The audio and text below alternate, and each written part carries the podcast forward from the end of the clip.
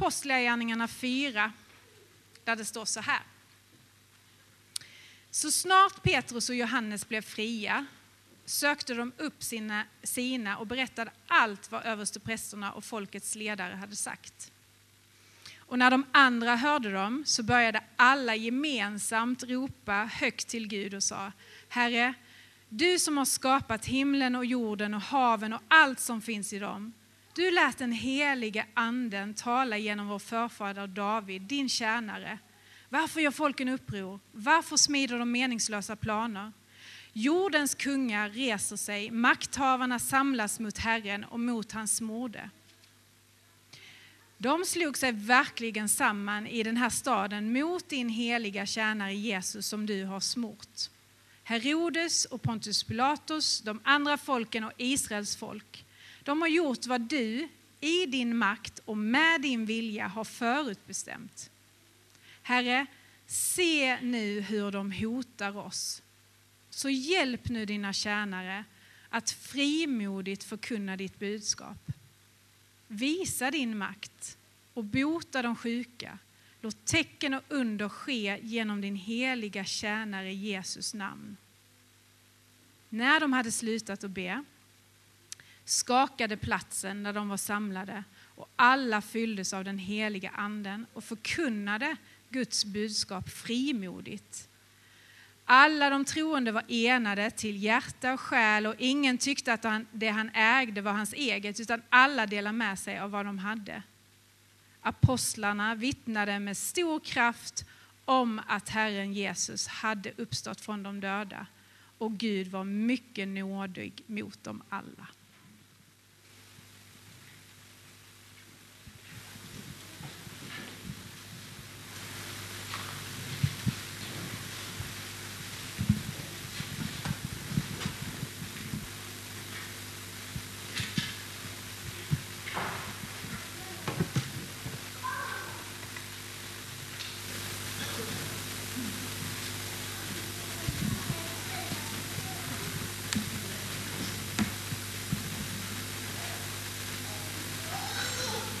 Så gott att se dig här, varenda en. Jag tittar lite extra så här och ser mig runt, det är så fint att se er. Eh, dela gudstjänstgemenskap med oss här idag. Eh, några jag inte känner igen, några jag ser hela tiden och någon jag inte sett sedan förra veckan eller för några veckor sedan. Så fint att få samlas inför Gud och det är inför honom vi samlas. Så jag, Alltså det, är, det är med bävan varje gång man går upp och predikar och man ska på något sätt säga någonting utifrån Guds ord. Och eh, men då är det gott att bara påminna sig om att det är inför honom vi samlas och han är här. Och kanske kan han använda någonting av det som jag säger, men även bortom det. Han är verksam bortom mina ord. Han är verksam i bara det att vi samlas i hans namn, så är han mitt ibland oss.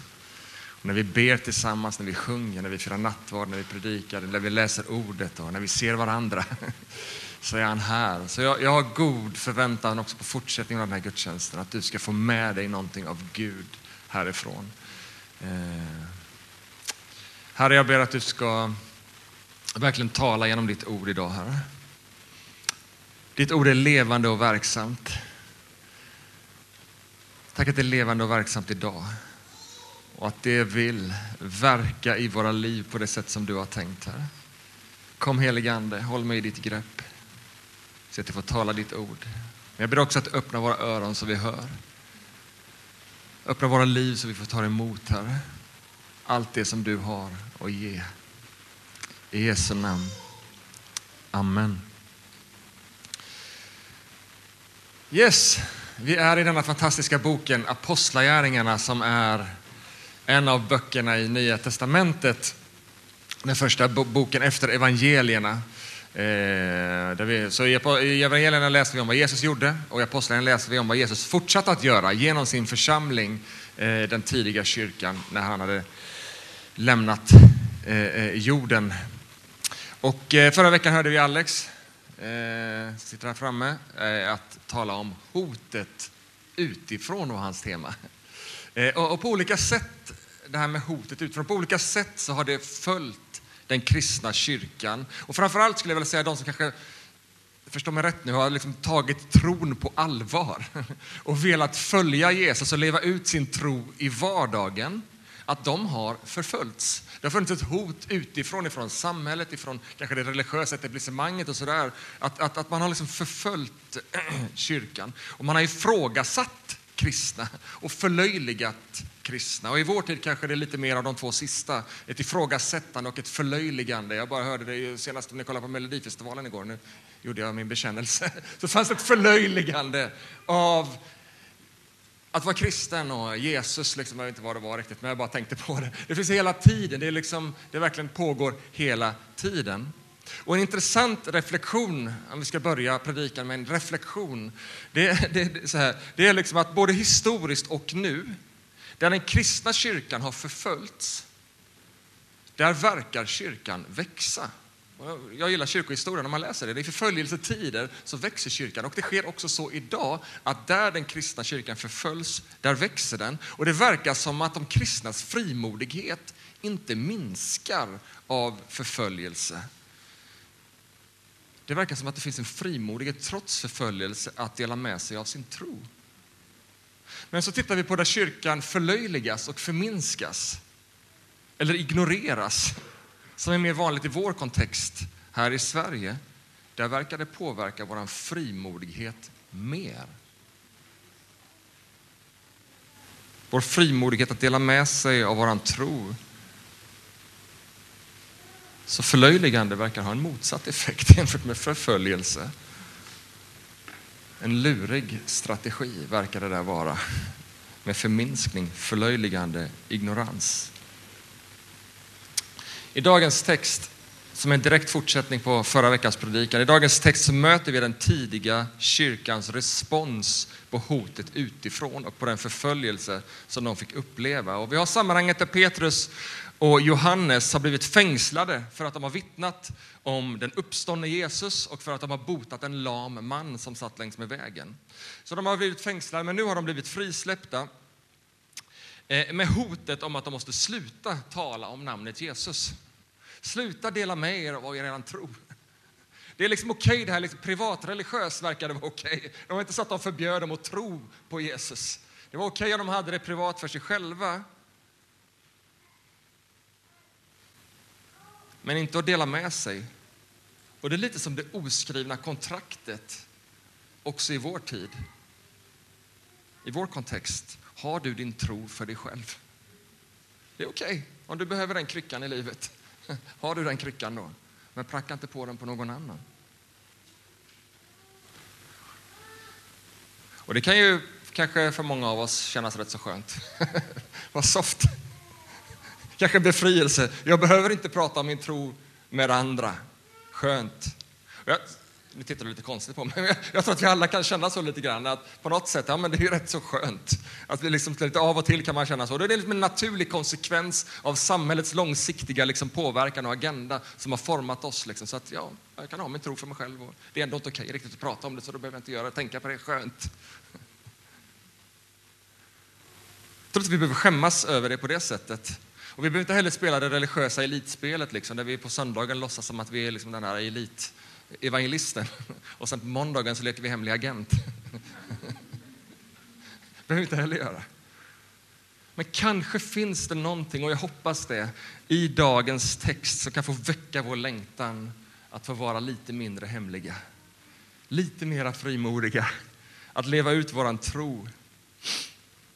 Och också att vara lite mera äkta. Så jag har liksom två väldigt enkla punkter utifrån dagens text. Och det ena är bönen så jag ska säga något om bönen. Och det andra är att jag ska säga något om den annorlunda gemenskapen. Och invävt i alltihopa där tror jag också det finns liksom den tidiga kyrkans längtan att få leva ut sin tro och dela med sig av sin tro. Så snart Petrus, det är vers 23, så snart Petrus och Johannes blev fria, så snart de blev fria, sökte de upp de sina och berättade allt vad översteprästerna och folkets ledare hade sagt. Och när de andra hörde dem började de alla gemensamt ropa högt till Gud.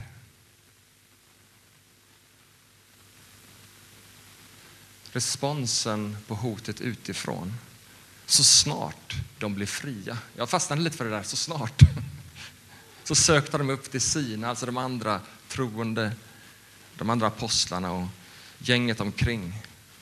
Så tänker jag så här att ja, men det kanske ändå är lite. Jag, jag, jag, jag, jag var på en missionsresa i Afrika, norra Afrika för länge sedan, i ett land som jag inte längre är välkommen till, men det är en annan story.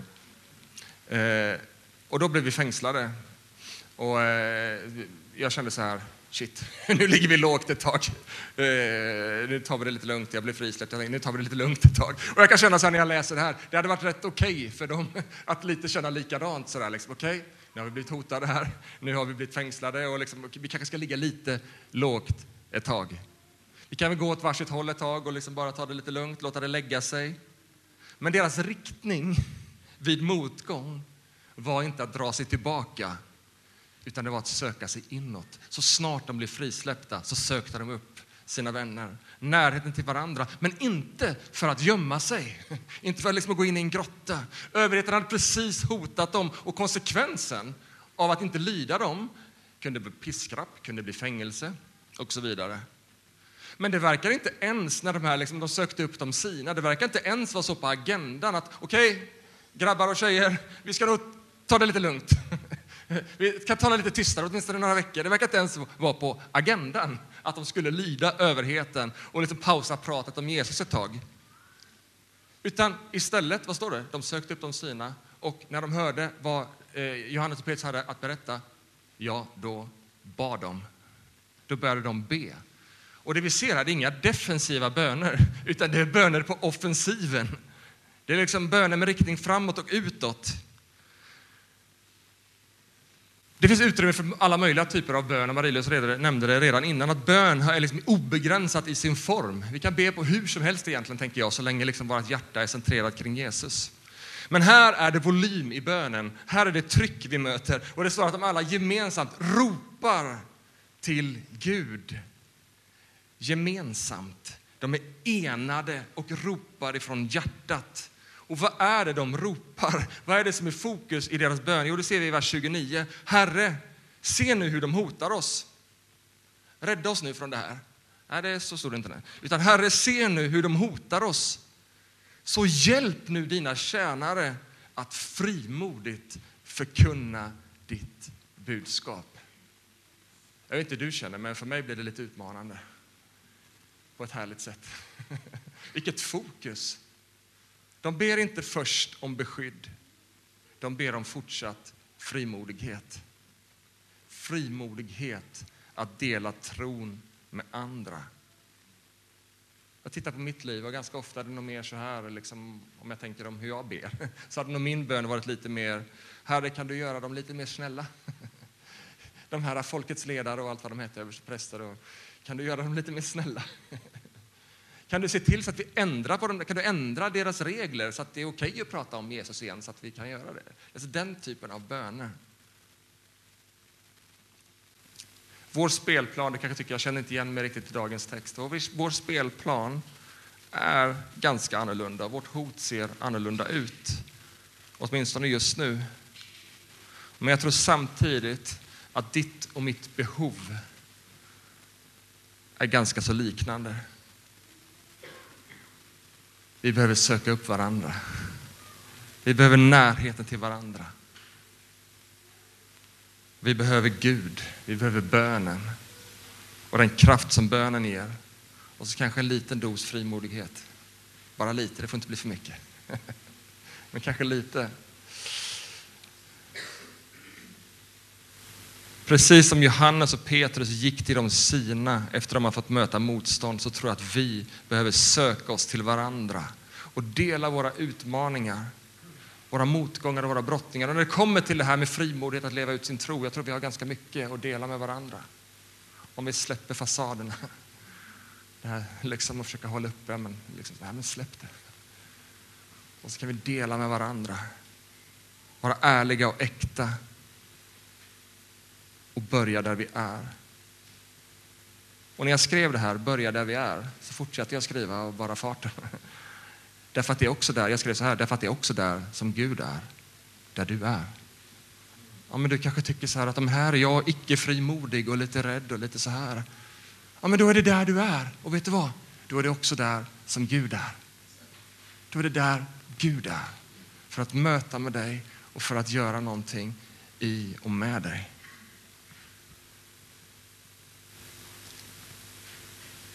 Söka närheten. Och så får vi göra som de gjorde, be.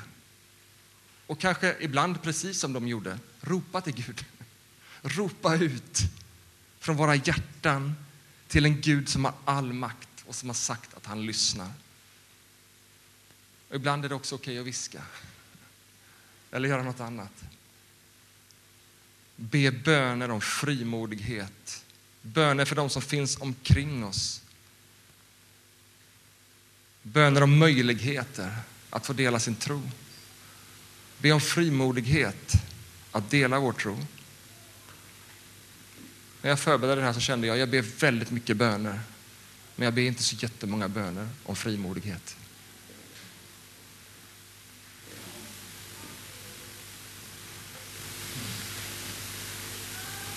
Det är så gott att titta på den här bönen. Därför att deras bön börjar inte med att kasta sig rakt in i problemet, utan deras bön började i Guds storhet. De började med att förundras över Guds storhet. Vers 24.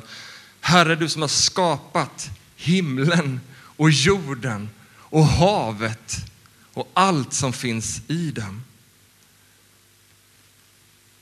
De bad till han som har all makt mitt i deras situation och riktade sin blick till han som har all makt. Herre, du som har skapat himlen och jorden. Det var inte så att de behövde påminna Gud om vem han var. Jag var så tänkte, varför bad de så här? tänkte jag först. Det vet ju redan Gud. Tills jag, tills jag liksom insåg att ja, men det var inte för att Gud behövde höra det här, utan det var för att de behövde höra det här. Att den de kommer inför är skaparen av allt. Och inte bara det, jag tror också det är ett sätt att rikta sin bön. Ibland så bara dyker jag in i mina problem. Liksom bara kasta problem så här. Men jag tror att det kan vara ganska hjälpsamt att först faktiskt rikta sin blick och sitt fokus. Vem är det jag kastar de här bördorna på? Jo, det är han som är skaparen av allt. Universums ursprung. Det är till honom vi riktar, vad det än vi nu är, kommer med honom kom, vad det än är som vi har att komma inför honom med. Och så fortsätter de. Varför gör folken uppror? Makthavarna samlas mot Herren och mot hans mode. Vad gör de, de här? Jo, här citerar de Saltaren. Det är från en saltasalm.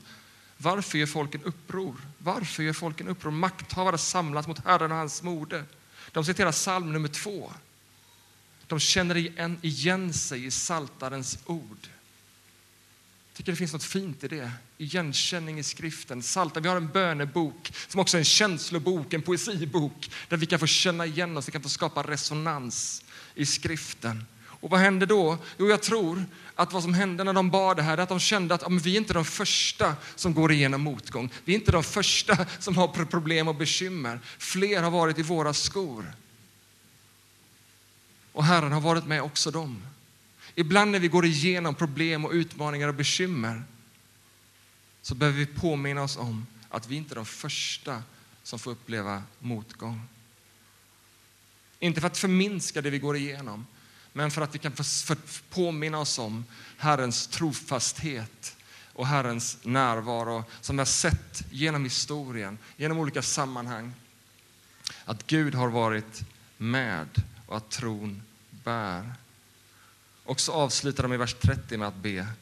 Visa din makt, bota de sjuka. Låt tecken och under ske genom din heliga tjänare Jesus namn.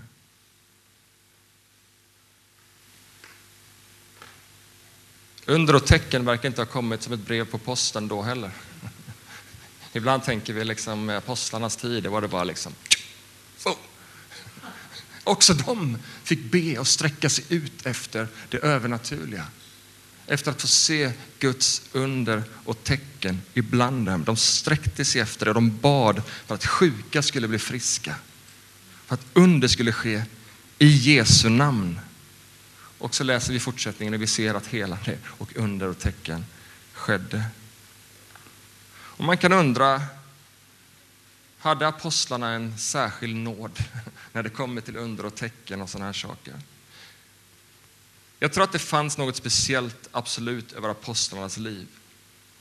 De hade sett Jesus. De hade rört vid Jesus. Ja, men hallå, det är klart att med det kommer det en tro. De hade sett honom bota sjuka och varit med. De hade sett honom väcka upp döda. Det är klart, med det kommer en tro. Och de fick sändas ut och Jesus andades på dem. De fick känna hans andedräkt. Hoppas inte han hade druckit kaffe som jag. Alltså med det kommer en tro. Men ingenstans ser vi att helande och under är begränsat till apostlarna. Ja, det fanns en speciell nåd tror jag utifrån det de hade fått vara med och se och uppleva och liksom möta Jesus på det sättet.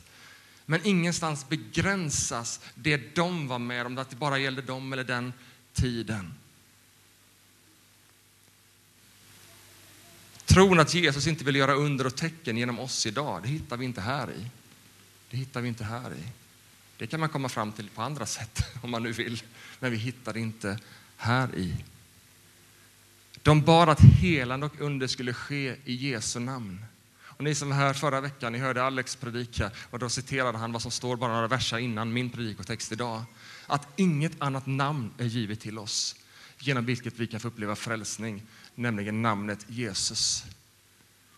Samma namn som botade sjuka då har givits till oss. Samma namn är givet till oss. Därför har helande skett genom hela historien. Genom hela historien kan vi se hur helande och under och tecken har skett. Och än idag sker det. Jajamän, det har varit lite olika och lite upp och ner. Lite mer eller mindre på olika platser i olika tider. Men det har skett kontinuerligt genom hela historien. Och det sker än idag. Mer i olika perioder. Ja. Olika platser, ja, kanske det. Och kanske delvis beror det på just den här bönen, hur närvarande den är eller inte. Herre, visa din makt, bota sjuka, låt tecken och under ske genom din helige tjänare Jesus namn. Jag vet inte, men jag tror att det har viss betydelse hur mycket vi faktiskt intresserar oss kring att se det som Jesus har kallat oss till att se. Och när de hade slutat be så skakade platsen. Jag vet inte riktigt varför. Det, vi ser det i Apostlagärningarna. Det hände några gånger i Apostlagärningarna att marken, de slutade be och marken skakar. Jag vet inte riktigt varför. Det står inte riktigt varför det hände. Men kanske var det för att de skulle på något sätt förstå att det var den helige Ande som uppfyllde dem, att det hände någonting i stunden. Det här var ju nytt för dem med den helige Ande på det sättet. Så kanske var det liksom, menar, hela pingstdagen var en ganska omskakande upplevelse med naturfenomen och det ena med det andra. Så kanske var det på något sätt bara att den helige Ande ville bekräftas här i början. Att liksom, ja, jag är med er. Sen läser vi genom kyrkohistorien, ja, det har hänt liknande saker. Så på något sätt så kan den helige Ande göra märkliga saker. Jag tror att Gud, from time to time, från tid till tid heter det på svenska, behöver skaka om oss.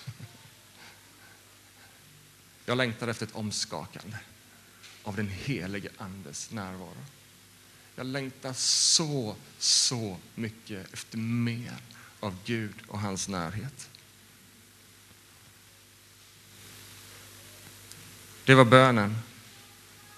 Men sen när man läser dagens text också så ser vi också något om den annorlunda gemenskapen. Vers 31. När de hade slutat be skakade platsen där de var samlade och alla fylldes av den helige Ande och förkunnade Guds budskap frimodigt. Alla de troende var enade till hjärta och själ och ingen tyckte att det han ägde var hans eget utan alla delade med sig av vad de hade. Här får vi en liten snabb inblick, lite mer sådär in i den tidiga kyrkans vardagsliv.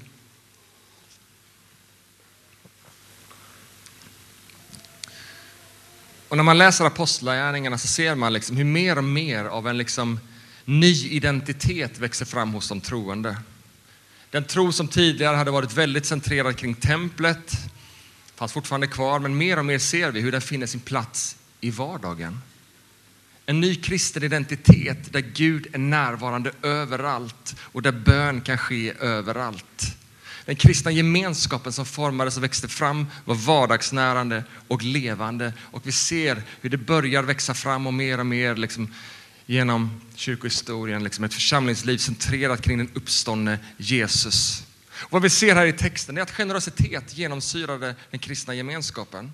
Och då kan man tänka, för man kan tänka även på andra ställen i Apostlagärningarna, att det var någon form av egendomskollektiv och liksom allt ägdes gemensamt. Men så var det inte. De hade sina egna hem, de hade sina egna egendomar. Men man hjälpte till, inte utifrån tvång och fri vilja. Hade vi alla flyttat in i ett kollektiv och bara satt upp regler, så här liksom, ja, men då, är det inget, liksom, då är det inget val att vara generös. Det bara är liksom, man kan inte vara generös ens, för man har inget att vara generös med. Men här är ganska, jag tycker det är ganska intressant och ganska talande utifrån fri vilja så såg de till att ingen bland dem led någon nöd. Hjärtan formade av den helige Ande. Inte utifrån tvång, utan utifrån fri vilja. Det är en ganska stor skillnad. Så det ser vi. Det ser inte så jättemycket av fasta former. Fasta former för kyrkan det växte fram över tid. Men det finns lite mönster som var tydliga. Joel talade för några veckor sedan om de fyra benen. En stol med fyra ben, kan ni lyssna på om inte ni var här? Eh, men så ser vi också i dagens text lite så här mönster som framträder. Och två saker som vi ser när det gäller den här annorlunda gemenskapen, det är en hängivenhet till varandra. Den här generositeten, en hängivenhet till varandra, men också en brinnande längtan att nå ut med budskapet till andra. De var enade i hjärta och själ, står det.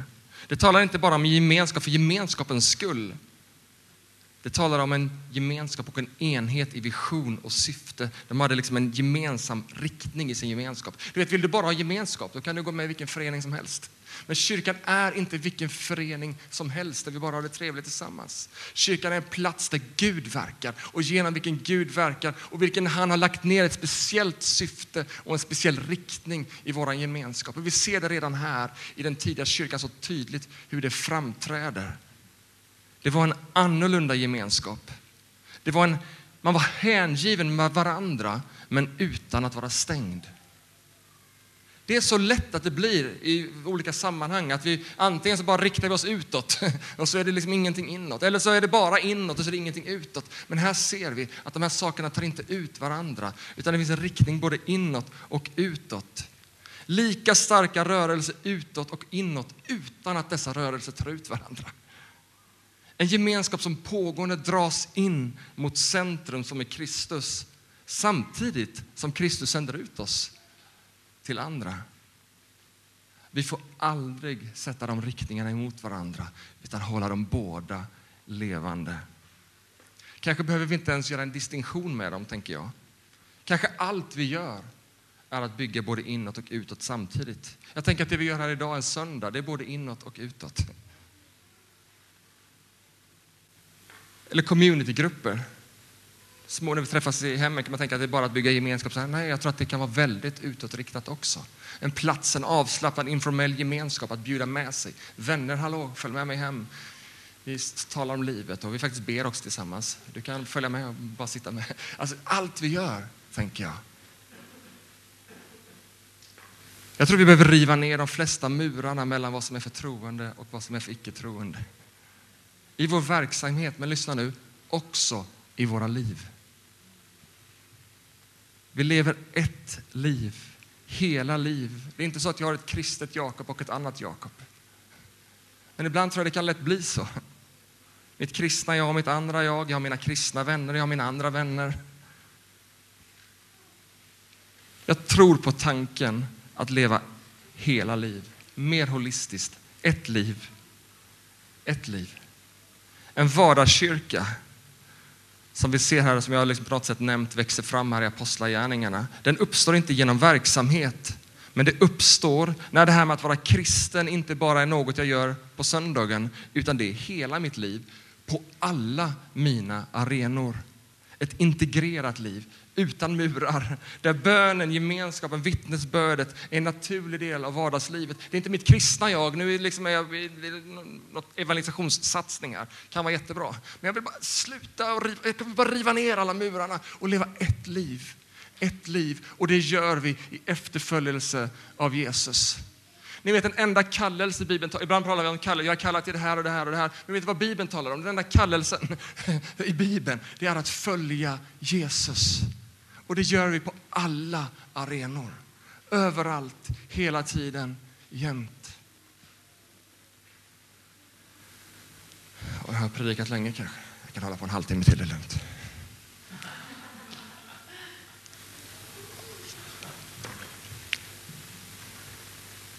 Till sist står det så här, apostlarna vittnade med stor kraft om att Herren Jesus hade uppstått från de döda och Gud var mycket nådig mot dem alla.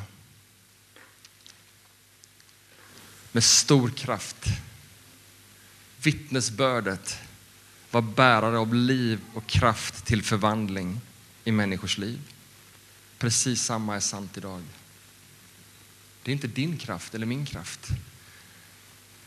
Vittnesbördet om den uppståndne Kristus är bärare av liv till förvandling.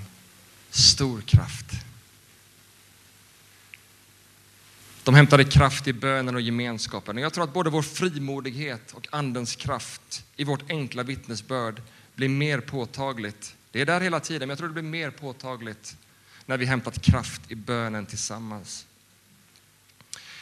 Dagens predikan började i ansatsen att det kanske kunde finnas något i dagens text som kunde väcka vår längtan att leva ut vår tro, att dela med oss av vår tro och samtidigt leva mer äkta och helt. Vi har mött den tidiga kyrkan, hängivna bönen, hängivna varandra och öppna för andra. Och med en bön om frimodighet, men också om helande och under. Att det ska ske.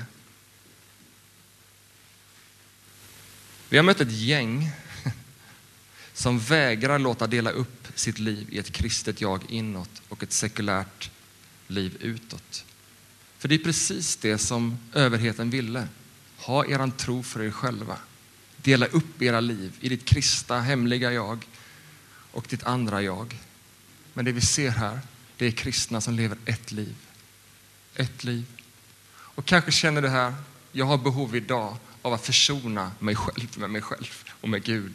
Jag har liksom på något sätt som ett kristet jag och som ett annat jag. Så att idag så kan du få göra upp med det där och låta Kristus riva ner den skiljemuren. Och du får bli fri att leva ett liv, ett helt liv.